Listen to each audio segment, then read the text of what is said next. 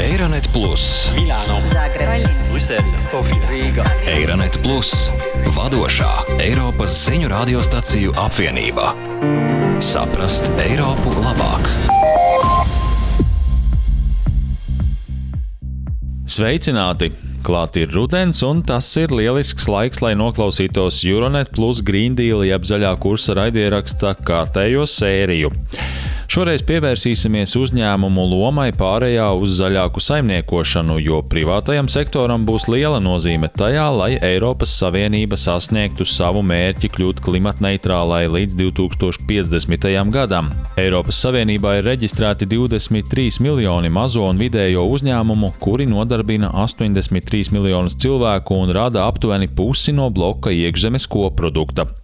Lai labāk izprastu izaicinājumus, ar kuriem privātais sektors saskaras pārējā uz zaļo ekonomiku, mūsu kolēģi no visas Eiropas aptaujāja uzņēmējus un ekspertus. Sāksim ar Slovenijas vides, klimata un enerģētikas ministrijas valsts sekretāru Urošu Vaiglu, kuru izjautāja kolēģi no Slovenijas sabiedriskā radio. Pēkšņas laikapstākļu vai klimata pārmaiņas rada spiedienu uz izēvielu, ūdens un enerģijas piegādi. Citiem vārdiem sakot, mums visiem, kā valstī, sabiedrībai un ekonomikai, ir jābūt gataviem vidas spiedienam, tostarp tādam, par ko mēs vēl nenojaušam. Un patiešām visu nozaru uzņēmumi apzinās, ka tiem ir labāk jāizprot un jāintegrē ar klimatu saistītie riski savā darbībā. Turklāt tiem ir arī jārēģē uz plašākas sabiedrības vēlmēm. Saskaņā ar globālās konsultāciju kompānijas McKinsey datiem patērētāju izvēles atspoguļo viņu vērtības, jo īpaši gados jaunāku patērētāju gadījumā, un aptuveni 40% Eiropas Savienības patērētāju uzskata, ka ilgtspējība ir ļoti svarīga. Neatkarīgi no tā, vai uzņēmumi to dara pēc savas iniciatīvas, lai mazinātu ar klimatu saistītos riskus, pielāgotos patērētāju pieprasījumam vai tāpēc, ka uz tiem attiecas normatīvie ierobežojumi, tie nevar izvairīties no pielāgošanās, ko rada klimata pārmaiņas. Tā uzskata Nunu Krušs, kurš ir izpildirektors atbildīgas uzņēmējdarbības vadības centrā Portugāles Katoļu Universitātē Lisabonā. Cenoura. Šis ir stāsts par pātagu un burkānu. Pātaga ir likumi un tiesību akti, kurus uzņēmumi cenšas ievērot. Tie, kas patiešām mainās proaktīvi, ir tie, kas skatās uz tirgu un redz, ka tas mainās, ka mainās klienti, ka mainās iedzīvotāji. Un tas liek tiem izmantot šādu pieeju. Es redzu, ka uzņēmumi mainās tieši šādā veidā, jo tiem ir jāmainās, jo tas ir vienīgais veids, kā finansiāli izdzīvot. Uzņēmumiem vienmēr ir nācies pielāgoties, lai saglabātu konkurētspēju un nodrošinātu, ka to darbība ir rentabla. Tas iespējams ir galvenais iemesls, lai uzņēmumi to darītu arī šajā gadījumā. Tā uzskata Sofijas ķīmijas, tehnoloģiju un metālurģijas universitātes inženierzinātņu ekoloģijas nodaļas vadītāja Vāņa Kjoseva. Ами, мисля, че те нямат избор. Трябва да бъдат готови. Uzņēmumiem nav izvēles, tiem ir jābūt gataviem klimata pārmaiņu sekām. Tiem ir jābūt gataviem klimata pārmaiņām un to sekām, jo to biznesa ekonomiskie rezultāti ir tieši saistīti ar to, cik lielā mērā klimata pārmaiņas ir ietekmējušas viņu uzņēmēju darbību, kādas izmaiņas viņiem ir jāveic. Iespējams, ka galvenokārt šī iemesla dēļ 89% Eiropas mazo un vidējo uzņēmumu veids pasākumus, lai padarītu savu darbību videi draudzīgāku, un tikai 9% to nedara. Protams, šie rādītāji dažādās valstīs atšķiras, un, piemēram, Polijā, Bulgārijā un Igaunijā uzņēmumi ievērojami atpaliek no Eiropas vidējā rādītāja. 2021. gadā globālā apdrošināšanas kompānija Generali uzsāka starptautisku ilgspējas konkursu Enterprise, lai atbalstītu un veicinātu mazo un vidējo uzņēmumu ilgspēju.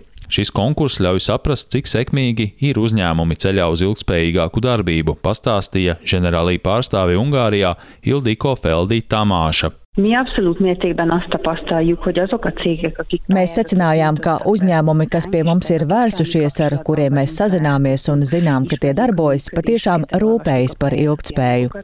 Tie, kuri ir apņēmušies to darīt, patiešām ir apņēmušies to darīt ilgtermiņā un vēlas kaut ko darīt lietas labā. Kopumā ilgtspēja ir svarīgs līdzeklis ne tikai vides aizsardzībai vai labāku darba apstākļu nodrošināšanai. Ir daudzi tās aspekti, kas, ja tos iekļauj darbībā, darbībā var dot arī peļņu.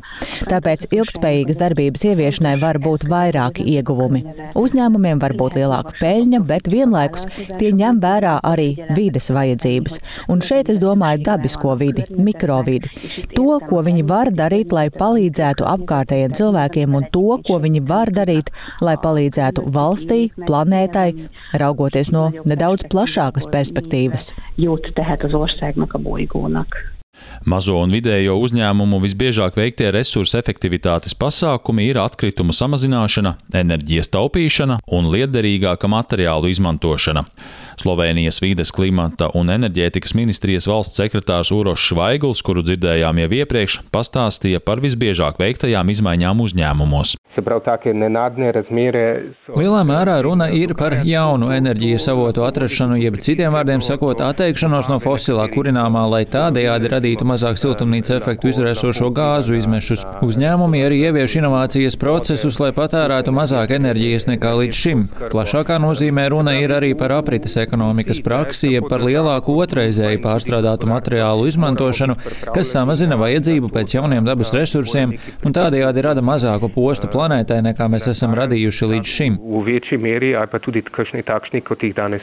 Uzņēmumi, meklējot inovatīvus risinājumus klimata problēmai, arvien vairāk pievēršas tehnoloģijām. Alans Galikjo ir dibinātājs Itālijas jaunu uzņēmumam Ecomate, kas izmanto algoritmus, lai identificētu būtiskas uzņēmējdarbības problēmas un pārvērstu tās par videi draudzīgiem aktīviem.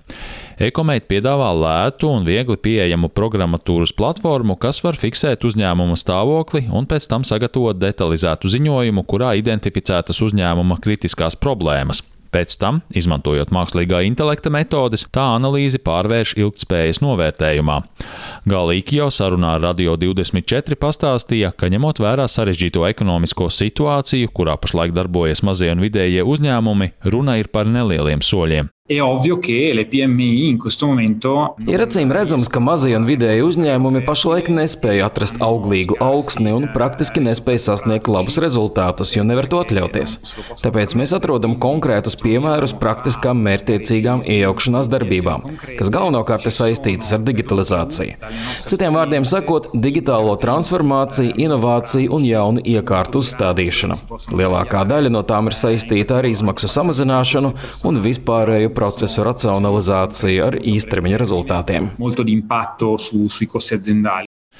Nav šaubu, ka uzņēmumus būs vieglāk pārliecināt rīkoties, ja tie redzēs taustāmus ieguvumus. Taču, ja runa ir par ilgtermiņa pasākumiem un, protams, arī izdevumiem, tos būs grūtāk pārliecināt.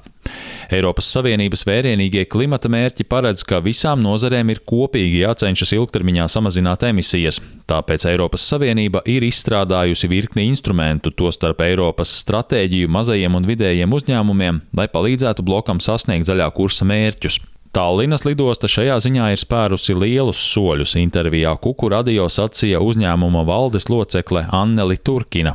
Tallinna lennujaam alustas.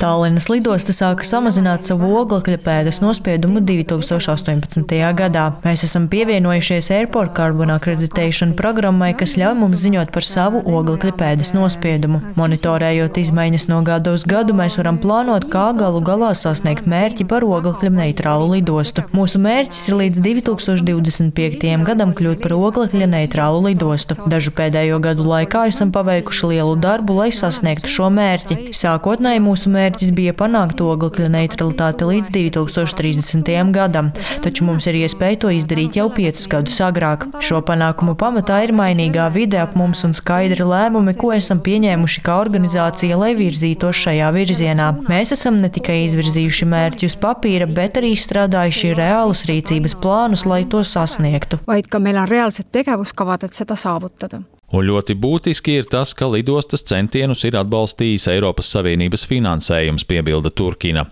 Viena no nozarēm, kas ļoti labi apzinās klimata pārmaiņu radītos riskus uzņēmumiem, ir apdrošināšanas bizness. Tā ir nozare, kas nepārtraukti attīstās, lai apmierinātu pieaugušo pieprasījumu pēc apdrošināšanas seguma. Bulgārijas apdrošinātāju asociācijas ģenerālsekretāre Nina Kolčakova pastāstīja, ka arvien vairāk uzņēmumu meklē apdrošināšanas segumu riskiem, kas ir saistīti ar klimata pārmaiņām че всъщност се увеличава и застрахованата част от тези загуби. Apdrošinātā šo zaudējumu daļa visā pasaulē acīm redzami pieaug.